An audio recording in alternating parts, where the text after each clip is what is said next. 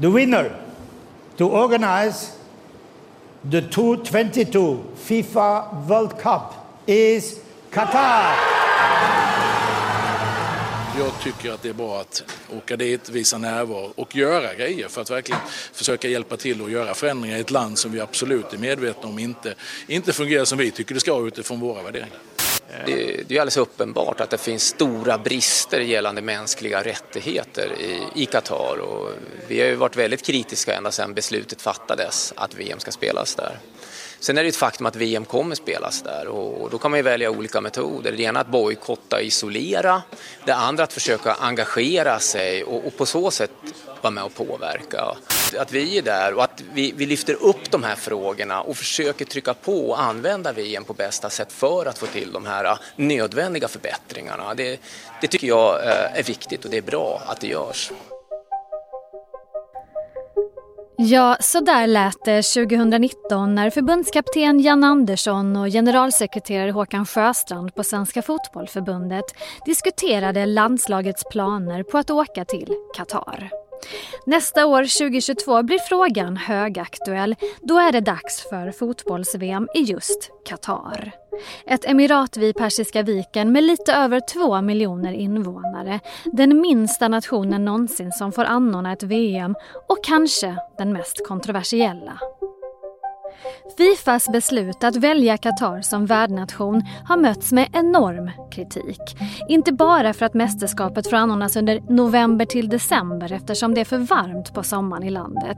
Nej, det har handlat om korruption, mutanklagelser, suspekta avtal men framför allt om liv och död. En granskning som brittiska tidningen The Guardian har gjort avslöjar att över 6 500 gästarbetare dött i Qatar sedan de tilldelades VM 2018. 2010. Frågan om bojkott är inte ny men har aktualiserats på nytt sen flera norska klubbar nu gått ut och försökt sätta press på det norska fotbollförbundet. Vi kan inte längre sitta och se på när människor dör i fotbollens namn. Det är på tiden att vi sätter hårt mot hårt, skriver till exempel Tromsö IL i ett pressmeddelande. Vad säger svenska klubbar? Varför hålls det överhuvudtaget ett VM i Qatar? Och bör landslag, publik och medier strunta i att åka dit? Det ska vi prata om i dagens Aftonbladet Daily.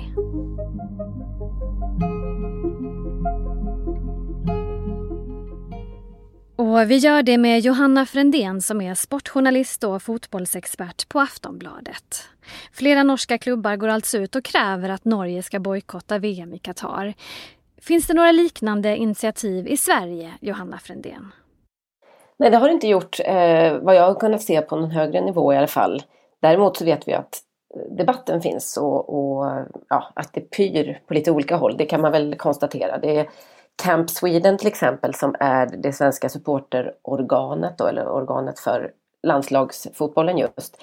De har ju sagt nyligen att de inte har bestämt sig hur de ska göra om de ska åka till VM eller inte. Och normalt sett så är det de som organiserar svenska supportrar på plats på mästerskap. Så att eh, det, det, pratas på flera olika håll men några enskilda klubbar i Sverige har inte gått ut än så länge och krävt bojkott. Beslutet att lägga VM i Qatar har ju varit oerhört kontroversiellt från början. Men du säger att debatten har pyrt. Hur Har den egentligen fått några konsekvenser den här debatten? Jag skulle säga att den har fått upp vissa frågor på bordet och jag tror att man också kan säga att i den mån som eh, omständigheterna och villkoren för gästarbetarna i Qatar har förbättrats så är det ganska mycket tack vare press som har satts på Qatar som har kommit tack vare den här debatten. Eh, och de som är helt emot bojkott eller de som tycker att det här ska fullföljas kommer alla säga just att titta hur mycket bättre det har blivit nu i Qatar jämfört kanske med andra länder som har gästarbetare. Just för att vi har satt ljuset på detta. Och det tror jag är helt, det är nog helt rättvist att säga det att eh, debatten har lett till eh, bland annat då att man har fått eh, varit tvungen att anstränga sig för att, för att bemöta kritiken. Samtidigt så rapporterar ju då tidningen The Guardian, de har gjort en granskning att över 6 500 gästarbetare ska ha dött i någon slags arbetsrelaterade olyckor då sedan Qatar fick VM 2010.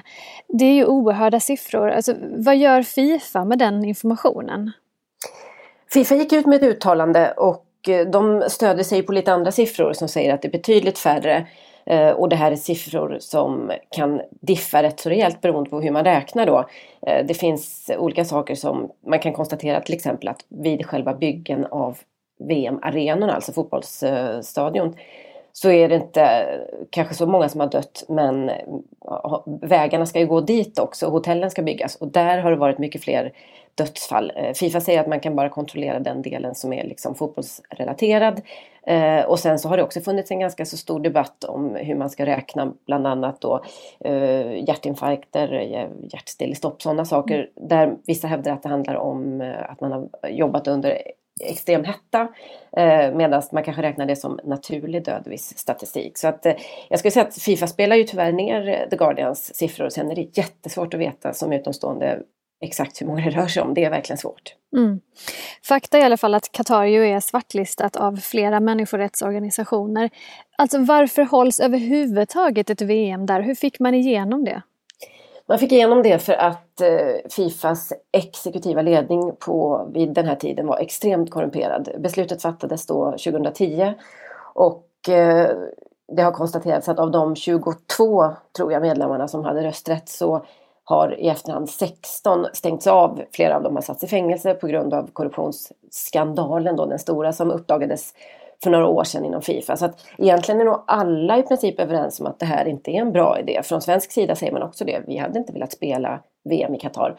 Men beslutet var fattat, eh, arenabyggena var igång och av olika skäl så anser man att det inte går att dra tillbaka det här beslutet. Och det är egentligen det som frågan handlar om nu. Ju närmare man kommer avspark liksom, desto svårare blir det ju att backa. Nu står ju en massa eh, liksom lyxhotell och gigantiska arenor och extremt påkostad infrastruktur i princip klar i Qatar.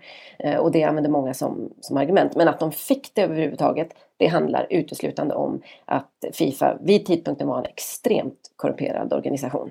Sverige tillsammans med en hel del andra länder har också använt Qatar för att åka dit till exempel på eh, olika typer av läger. Det finns ju något begrepp som heter sportswashing som används en del när man pratar om just Qatar. Kan du berätta vad man menar med det? Egentligen så handlar det ofta om korrupta regimer eller kanske stora varumärken. Men framförallt så är det väl eh, diktaturstater i det här fallet som investerar massor med pengar i elitfotbollen och världsfotbollen för att bättra på sitt rykte och sitt varumärke helt enkelt. Eh, och Qatar är kanske det bästa exemplet på det. De har investerat enorma pengar i, i stora framförallt klubbar då i Europa. Eh, PSG, Paris är kanske det bästa exemplet så där man är, indirekt äger klubben helt och hållet. Eh, men även klubbar som Barcelona och flera andra har man förekommit med i reklamsamarbeten och, och man har förlagt då fler, en hel del ehm, aktiviteter där som du säger. Eh, så att det, sportswashing handlar ju om det här, alltså att få via liksom det man brukar kalla kanske mjuk, mjuka insatser då. Eh, det vill säga reklam och ehm, någon form av tillrättalagd PR-bild få landet att verka mycket bättre och mycket mer öppet och mycket mer kanske demokratiskt än, än vad det själva verket är. Eh, idrotten och framförallt fotbollen är ju ett väldigt effektivt sätt att använda det här eftersom det dels finns en stor pengahunger inom fotbollen som man, många klubbar är beredda att ta pengar varifrån som helst nästan. Och för att det når ut till så otroligt många människor och att man kan styra intrycket av vad det här är för land eh, hos otroligt många på ett helt annat sätt än man kan göra inom internationell politik till exempel. En del hävdar ju att det är bättre att åka på ett sånt här mästerskap och sen på något vis då på olika vis belysa problematiken i landet på plats. Att det är bättre att göra det än att bojkotta. Vad säger du om det? Jag säger att det finns en poäng i det och det är ju det man har sagt från Svenska Fotbollförbundets sida. Att man har åkt dit och eh, försökt påverka och haft dialog med eh, internationella fackförbund och så vidare och menar att eh, många av de här gästarbetarna säger snälla lämna oss inte i sticket nu. Eh, och den, det är klart att man, den diskussionen eller det resonemanget kan man ju dra in, in absurdum någonstans och säga att nej men då ska man aldrig överge då eh, idiotiska planer eller korrupta beslut för att mm, i slutändan så får de här gästarbetarna betala för det. det. det. är klart att det finns, den mänskliga aspekten kan jag förstå.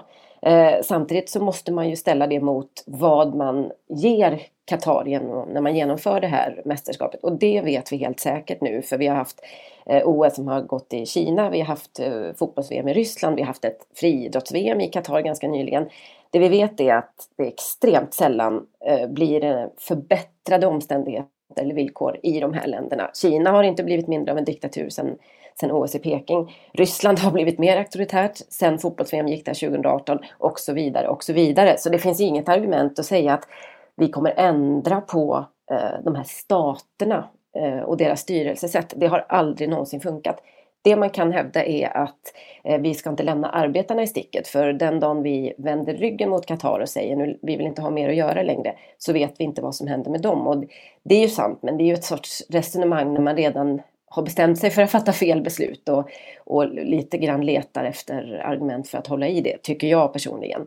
Ehm, men det finns olika, olika aspekter av det här och det är kanske viktigt att belysa att det, att det gör just det, att det inte är en helt enkel fråga faktiskt. Nej men då är jag nyfiken på hur du tänker just kring hur vi som medier ska tänka kring medverkan, för det är ju ändå vi som ska förväntas rapportera då om till exempel förhållanden i landet. Bör vi åka? Kommer du att åka om du ges möjlighet? Nej, jag, jag har jättesvårt att se att jag personligen kommer åka dit. Jag, jag menar, det beror ju på såklart omständigheterna om det skulle dyka upp av något skäl ett, ett sätt att åka dit för att verkligen bara belysa de här frågorna. Men att åka dit och låtsas som ingenting eller bevaka det här som ett vanligt VM eh, det tycker jag är uteslutet och det tror jag det är för de flesta medieorganisationer, i alla fall i Europa. Det, det kommer vara eh, mycket prat om omständigheterna där. Eh, sen så kan man ju konstatera att eh, släppa, släppa ett mästerskap utan uppsikt helt och hållet. Det är väl inte något bra. Det är inte mediernas uppgift kanske att bojkotta eller fatta den här typen av politiska, politiska beslut och så. Eh, jag kan känna för egen del att det skulle kännas extremt skumt att åka runt på de här arenorna och rapportera från eh, matcher som jag hörde någon kalla spelas på rena kyrkogårdar, vilket det ju kanske rör sig om då i vissa fall. Alltså det, har, eh, det har krävts så många dödsoffer för att bygga de här arenorna att det inte riktigt går att se det på något annat sätt. Eh, jag vill också säga det att man, man får ju jämföra det här med VM i Ryssland som alla svenska medieorganisationer åkte på som, som hade planlagt det och, och även OS i Peking och så vidare. Det, någonstans går ju en gräns. Hur korrupt kan en regim vara? Hur, stor, hur mycket diktatur för att man ska säga nej? Och, och den gränsen är ju verkligen inte helt eh, klar. Det är jag den första att, att säga. Men i Qatars fall tycker jag nästan att det, det, är så groteskt hela upplägget kring det här VMet att det skulle kännas förljuget och konstigt och lite perverst att åka dit faktiskt. Det finns ju de som hävdar sen egentligen urminnes tider att, att just sportvärlden, där tar man alldeles för sällan ställning. Tycker du att det ligger någonting i det påståendet? Ja och nej. Jag tycker att sportvärlden och kanske fotbollsvärlden har Eh, haft en viss ovana och eh, naivitet inför de här frågorna väldigt länge. Däremot så tycker jag vi ser att det håller på att ändras ganska rejält nu. På 70 80-talet och 70-talet framförallt när det kanske när, det, eller när man spelade eh, mästerskap i, då kunde det vara i till exempel militärjuntans Argentina och så då såg man ju att landslag kom dit och det svenska landslaget till exempel med, med helt, eh, alltså utan någon som helst koll på de här frågorna, utan möjlighet att argumentera kring det. Alltså man, var, man kände inte till omständigheterna alls. Och så är det ju faktiskt inte längre. Eh, däremot så är det ju så att eh, i den allt, ju mer sportvärlden, om vi kallar den så, lär sig om de här frågorna, desto mer kan man säga att korrupta och diktaturstater går in och tar över världsfotbollen. Så att det, det är ju ett eh, dubbelt race på något sätt och det är svårt att säga vem som håller på att vinna det. Men, men jag tycker nog att eh, ändå att inställningen och att kunskapen om de här frågorna har eh, blivit rejält mycket bättre de senaste åren. Man ska komma ihåg att sportvärlden är ju, man får ju dela upp det mellan aktiva utövare, förbund och klubbar och medierna såklart. Och det är ju olika komponenter. Men jag tycker nog att medvetandenivån har höjts på alla håll. Är det tillräckligt för att få till en förändring i ett land som Qatar eller för att stoppa det här VM? Det tror jag inte. Tack Johanna Frändén. Tack. Sist här hörde vi Johanna Frändén, sportjournalist på Aftonbladet. Jag heter Olivia Svensson och du har lyssnat på Aftonbladet Daily. Vi hörs igen snart. Hej då. Du har lyssnat på en podcast från Aftonbladet.